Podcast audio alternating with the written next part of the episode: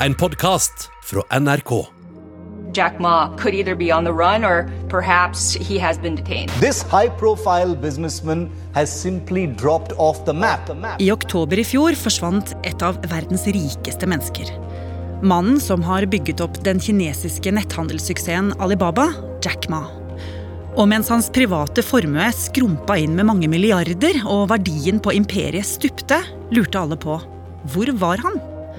Hadde han forsvunnet frivillig, eller hadde han gjort noe som irriterte de kinesiske myndighetene? Men så China's richest man, Jack Ma, has resurfaced in a short online video. He's finally resurfaced months later in a video published by Chinese state media. Denne uka dukket han plutselig opp igjen. Hvor i alle dager har han vært, og hvorfor forsvant han?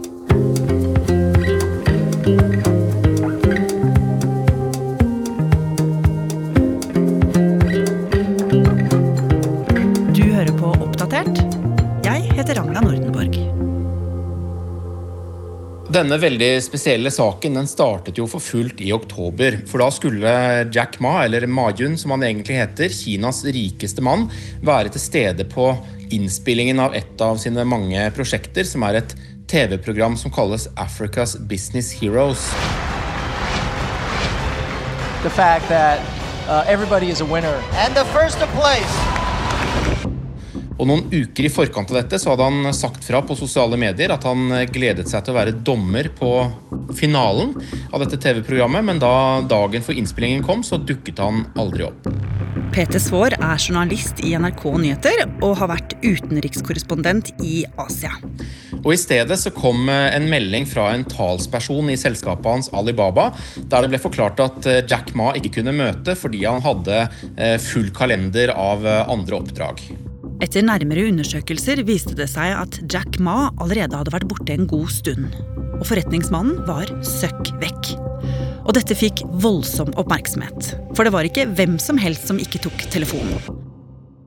Hvor mektig og stor snakker vi, Peter? Ja, for å skjønne det, så må vi egentlig tilbake til starten på Alibaba-historien. Og den ligner jo veldig på starten på Amazon eller eBay i USA. da. Det handler om læreren den gang, Jack Ma, som startet selskapet Alibaba i 1999 sammen med 17 andre. Og de spesialiserte seg på handel på nettet, både med brukte gjenstander, sånn som på eBay, men også på netthandel. Og ble raskt en veldig viktig plattform for salg av duppeditter og klær og kjøkkenredskaper og alt mulig annet. Og i 2014 så ble dette selskapet verdsatt til 155 milliarder dollar, som er mer enn Amazon og eBay. Men suksessen stoppet ikke med det. Han ble også stor på teknologi og apper som dominerer hverdagslivet til hundrevis av millioner mennesker.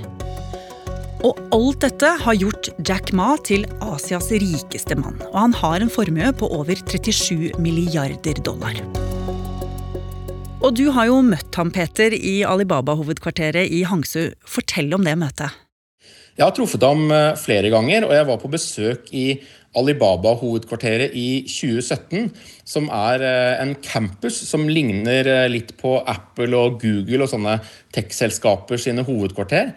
Og du kjøres rundt i et parkanlegg med store sånne golfbiler. Og så er det moderne kontorblokker i glass og stål som er spredt rundt på gresset. Og midt i denne high-tech-campusen da, så har Jack Ma kontor, og det er ute i en hage som er utformet i litt sånn gammel kinesisk imperiestil, med en karpedam utenfor som skal bringe hell og lykke. Og hvordan vil du beskrive ham? Jeg vil beskrive ham som en veldig karismatisk nerd. Han er eh, veldig energisk og snakker på inn- og utpust. Han er vennlig, eh, fremstår som åpen, nysgjerrig og har liksom en viss magnetisme. Eh, han er i stand til å på en måte ta rommet litt når han eh, kommer inn. og er Rett og slett en artig type. Og dette fikk vi jo en liten smakebit av i fjor, Peter. Rett før han ble borte, så feira Alibaba-sjefen selskapets 20-årsjubileum. Og da stilte han i skinnjakke på en gigantisk scene der han ble hyllet mens han sang karaoke for vanvittig mange tilskuere. Then I must do and we hear in the silence. Here you come as sit while with me. Denne formen for litt sånn eh, Petter Stordalen-ledelse det er jo ikke vanlig for kinesiske næringslivsledere. De går vanligvis i grå dresser med ravnsvarte, fargede hårmanker. Men eh, det er litt som at Facebook-sjef Mark Zuckerberg kan gå i hettegenser og T-skjorte. Jack Ma var liksom personifiseringen av at eh, denne tech-bransjen i Kina også er annerledes, mer dynamisk, mindre formell, og at de tjener helt ubegripelig med penger. Men bare uker etter dette giganteventet var han altså sporløst borte.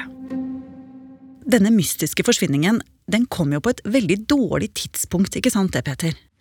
Ja, nå passer det jo aldri at sjefen i et av verdens eh, største teknologiselskaper er sunket i jorden, da. Men uh, han var bare noen uker unna å ta en stor del av dette nett- og finansimperiet sitt, uh, Alibaba-konglomeratet, over på børs. Det var eh, et selskap som heter Ant Financial Group, som eh, lå an til å ha en av verdens største børsnoteringer i fjor høst. Og det var milliarder av kroner og arbeidsplasser som sto på spill. Så det hastet med å finne Jack Ma. Men hvor kunne han være? Og hvorfor var han egentlig borte? Mange mente at dette handlet om noe helt annet enn en fullbooket kalender. His absence has been raising a lot of speculation as to exactly where he is. Where is Jack Ma in a country that has no problems in cracking down and disappearing people? Ryktene begynte å gå om at forsvinningen skyldtes at han rett og slett var havnet i unåde hos kinesiske myndigheter. Og da kan man jo lett bli borte. Ja, altså Det er jo veldig mange eksempler på at folk i Kina bare forsvinner. og Det skjer eh, hele tiden, både med kjendiser og med milliardærer og andre. og Kommunistpartiet i Kina har et eget hemmelig rettssystem på siden av de sivile domstolene. Og hvis du blir sugd inn der, så bare forsvinner du i tynn luft. Og det kan være dissidenter, det kan være minoriteter. Og i fjor forsvant faktisk en rekke kinesiske millionærer og milliardærer. Noen blir fratatt råderetten over selskapene sine, andre blir bare borte, og noen har til og med blitt funnet døde. Ja, og dette begynte selvsagt mange å frykte hadde skjedd med Alibaba-sjefen. Men det er jo allikevel en ting som er litt rart med denne teorien, Peter. Dette er jo mannen som har gitt Fintech et ansikt i Kina. Han var superkjendis og veldig populær hos myndighetene. Jeg vil ikke si at Jack Ma bare var populær. Han var et redskap for kommunistpartiet på mange måter. Han tok f.eks. ofte imot statsoverhoder, som vår egen eh, Erna Solberg når hun besøkte Kina i 2017. Og så har han spilt en nyttig rolle for myndighetene på mange andre måter. F.eks. var det Jack Ma som kjøpte opp Hongkong-avisen South China Morning Post for et par år siden, som nå beskyldes for å ha blitt mer Beijing-vennlig i sin dekning. Men hva var det egentlig suksessgründeren hadde gjort gærent? Et innlegg han holdt på et finansforum i Shanghai, pekte seg jo ut som mulig årsak til problemene han var havnet i. Ja, Han utfordret partiet. Han kritiserte partiet åpent. og Det skjedde i oktober i fjor. Jack Ma var i Shanghai og skulle delta på en sånn finansforum. Og Fra talerstolen så kritiserte han da myndighetene, og særlig reguleringen av de statlige bankene Og illustrerte det med at eh, store banker er som elver, og vi trenger små vann og bekker og kanaler. Og uten dem så blir det flom og tørke. 但是中国的问题，我认为正好相反，不是中国不是金融系统性风险，因为中国金融基本上没有系统。Det han jo egentlig tok til orde for, var mindre strenge reguleringer av finansindustrien og bankene, sånn at hans online-bank kunne låne ut mer penger til folk som ikke hadde sikkerhet i fast eiendom. Og Dette ble omtalt av Hongkong-avisa South China Morning Post, og det fikk eh, stor oppmerksomhet. Og den kinesiske presidenten Xi Jinping skal ha blitt rasende. På et møte like etterpå fikk ledelsen i Alibaba krav om å endre selskapets struktur, og de kunne vente strenge reguleringer. Og ikke bare det. Kinesiske myndigheter sa de ville granske Alibaba for ulovlig monopolvirksomhet. Og den planlagte børsnoteringen av Alibabas selskap for betalingstjenester stanset. Jack Ma rakk å svare at han kunne forsøke å imøtekomme myndighetenes kritikk og dele opp selskapet mer. Men så ble det altså dørgende stille. Han mistet det omtalte TV-showet og mange andre ting. Og verdiene raste, og formuen til Jack Ma skrumpet inn med 11 milliarder dollar. Men Peter, eh, hvis det da var kinesiske myndigheter som ville straffe ham, så var jo spørsmålet da hvor hardt? Altså Var han i husarrest? Var han i fengsel? Levde han? Ja, Kina har jo flere nivåer av sånne hemmelige domstolssystemer og fengselssystemer som ligger utenpå det vanlige sivile systemet, og som er under direkte politisk kontroll. Du har f.eks. et system som heter Shuangwei, som er kommunistpartiets eget eh, domstolssystem for partimedlemmer som har gjort noe galt, og som har brutt partiets retningslinjer. Men det er jo noe som også partiet ofte selv kan bestemme om man har gjort. da. Men på nyåret dukka det opp en budbringer. David Faber i CNBC sa at han hadde kilder på at Jack Ma bare lå lavt. At han sannsynligvis var hjemme i Hangzhou, der han bor. Og Peter, hva betyr egentlig det å ligge lavt i denne sammenheng? Ja, si det. Det kan jo bety å unngå å gjøre intervjuer. Eh, det kan bety å holde seg litt hjemme og utenfor søkelyset. Det kan også bety en form for husarrest, eller at man i hvert fall har fått veldig sterke advarsler om det. Men det vet vi jo rett og slett ikke. Nei. Men så, i forrige uke altså, kom meldingen han har dukka opp, og det på statlig TV.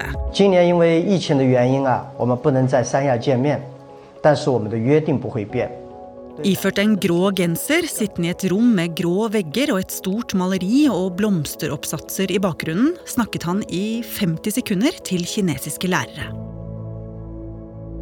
Hvordan tolker du dette, Peter? Det viktigste er jo at han ikke har beklaget noe. Eh, og det vi har sett som et mønster i sånne tidligere kjendisforsvinninger, f.eks. da Kinas mest berømte skuespillerinne Fan Bingbing ble borte i 2019, det er at de når de kommer tilbake, gjerne gjør et uh, tårefullt intervju med statlig TV der de erkjenner alle sine synder. Hun hadde snytt på skatten, sa hun, og hvor de ber om tilgivelse. Det er en form for selvkritikk som er en arv på en måte fra det gamle kommunistiske, sovjetiske systemet, som fortsatt står veldig sentralt i Kina.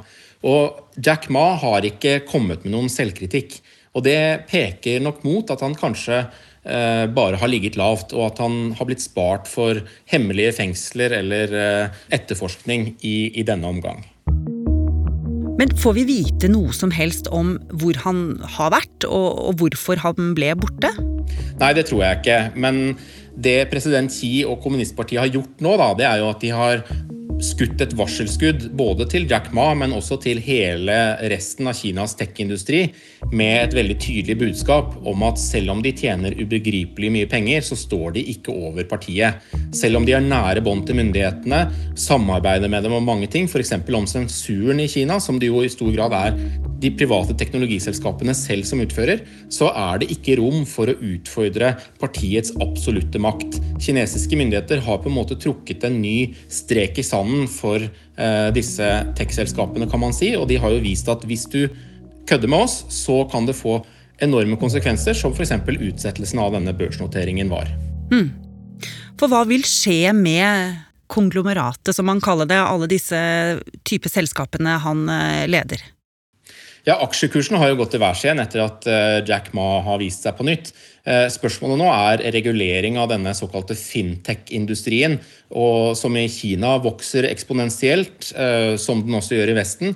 Børsnoteringen av Ant Financial vet vi ikke hvordan det vil gå med. og Spørsmålet er jo på mange måter hvordan denne finansteknologiindustrien i Kina vil bli regulert fremover, og om de vil på en måte bli underlagt en mye strengere kontroll da, fra kommunistpartiet og fra myndighetene. Hmm. Og er alt det fordi han satte seg opp mot myndighetene i denne talen? Nei, det tror jeg kanskje ikke, men jeg tror at det kanskje var dråpen som fikk begeret til å renne over. Eh, essensen i dette er jo at eh, denne teknologiindustrien i Kina, som i USA og Vesten, har blitt utrolig mektige fordi de kontrollerer så mye informasjon, og fordi de tjener så mye penger. Og hvis noen er mektige, så er de også en trussel for myndighetenes makt. Og det kan hende at myndighetene eh, har sett etter en måte å nettopp markere at eh, du kan godt tjene penger, men den røde streken, den går her.